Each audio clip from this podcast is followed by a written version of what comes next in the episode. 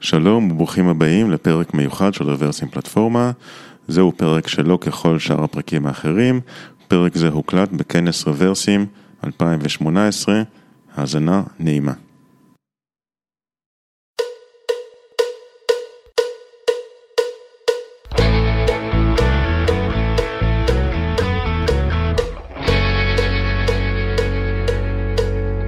היי, קוראים לי רעות. אה, אני אתחיל בגילוי נאות של אי הדיוקים במצגת שלי.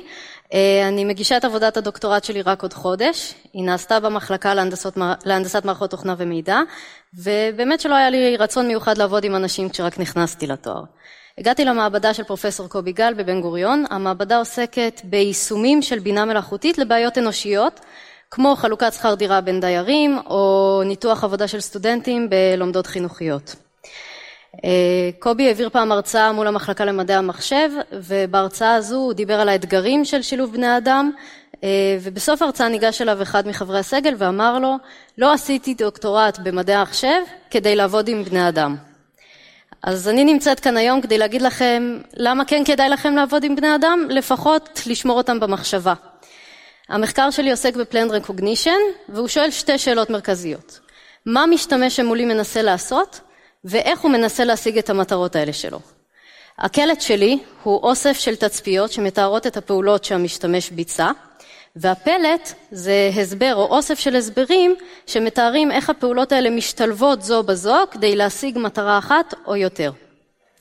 זה בדיוק ההבדל בין הרבה גישות היום שיכולות לבוא ולהגיד יש כאן פעולת סחר בלתי חוקי לבין לבוא ולהגיד יש כאן סחר לא חוקי, כרגע הוא בשלב העברת הסחורה, אפשר עוד למנוע אותו אם נעשה כך וכך. ואת כל זה ב real time.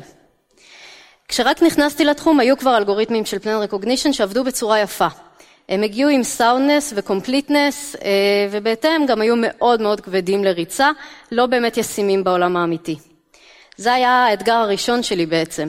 כשהגעתי הייתי צריכה לקחת את אחד מהאלגוריתמים האלה וליישם אותם במערכת עם אה, אנשים אמיתיים, עם משתמשים אמיתיים. התוצאות הראשוניות היו נוראיות, פשוט לא הצלחנו להריץ את האלגוריתם, לקח לנו ימים לזהות פעולות שלקחו עשר דקות.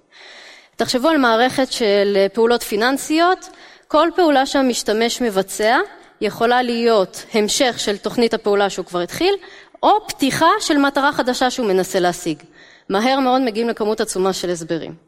כאן נכנס לרשותנו העובדה שאנחנו יודעים שמדובר במשתמש אנושי. בן אדם ממוצע יכול להחזיק בראש שבעה פריטים בו זמנית. לכן אנחנו יכולים לפלטר הסברים שבהם המשתמש מנסה להשיג יותר משבע מטרות שונות. עוד נטייה אנושית היא להתמקד במשימה שנמצאת כרגע לפנינו. הגדרנו מנגנון של aging שספר עד כמה בן אדם קפץ ממשימה למשימה. כך אנחנו יכולים לפלטר הסברים שבהם המשתמש מזגזג וההסבר לא קוהרנטי. את הפילטרים האלה ואחרים שילבנו באלגוריתם שנקרא cradle. cradle זה גם השם של המכשיר ששימש במהלך אה, הבהלה לזהב, כדי לסנן את החתיכות של הזהב מתוך הערימות של הבוץ.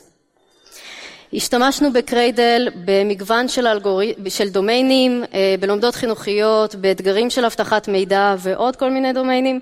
אה, שיפרנו את זמני הריצה בסדרי גודל, בלי שהיינו צריכים לפגוע באיכות של הפתרון שאנחנו מספקים בסוף. אה, עוד אה, דוגמה, עבדנו עם חברה פיננסית גדולה ובעזרת האנליסטים שם הגדרנו ואפיינו מה המטרות שמשתמש יכול להשיג במערכת שלהם.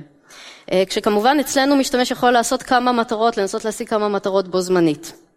ככה, אם אנחנו יכולים להגדיר הוספת כרטיס אשראי, מחיקת כרטיס אשראי, ביצוע טרנזקציה ועוד, אני יכולה לקחת ולהגדיר פעולות יותר ויותר מורכבות במערכת הזו, עד שאני מזהה תהליכים מורכבים ממש כמו סחר בלתי חוקי בזמן אמת. אה, CRADLE ואלגוריתמים נוספים זמינים באתר planrec.org, זה אתר המשאבים המרכזי של קהילת המחקר של Plan Recognition, הוא מכיל data set ים ואלגוריתמים והכל זמין להורדה ובחינם והחוקרים תמיד שמחים לשתף פעולה. עוד בעיה שמעניינת את החוקרים האלה זה מציאת מסלול של הולך רגל. אם אני רואה רצף צעדים ראשונים של מישהו מולי, האם אני יכולה להסיק לאן הוא הולך? כך רובוט לדוגמה ידע לא להיתקע בו.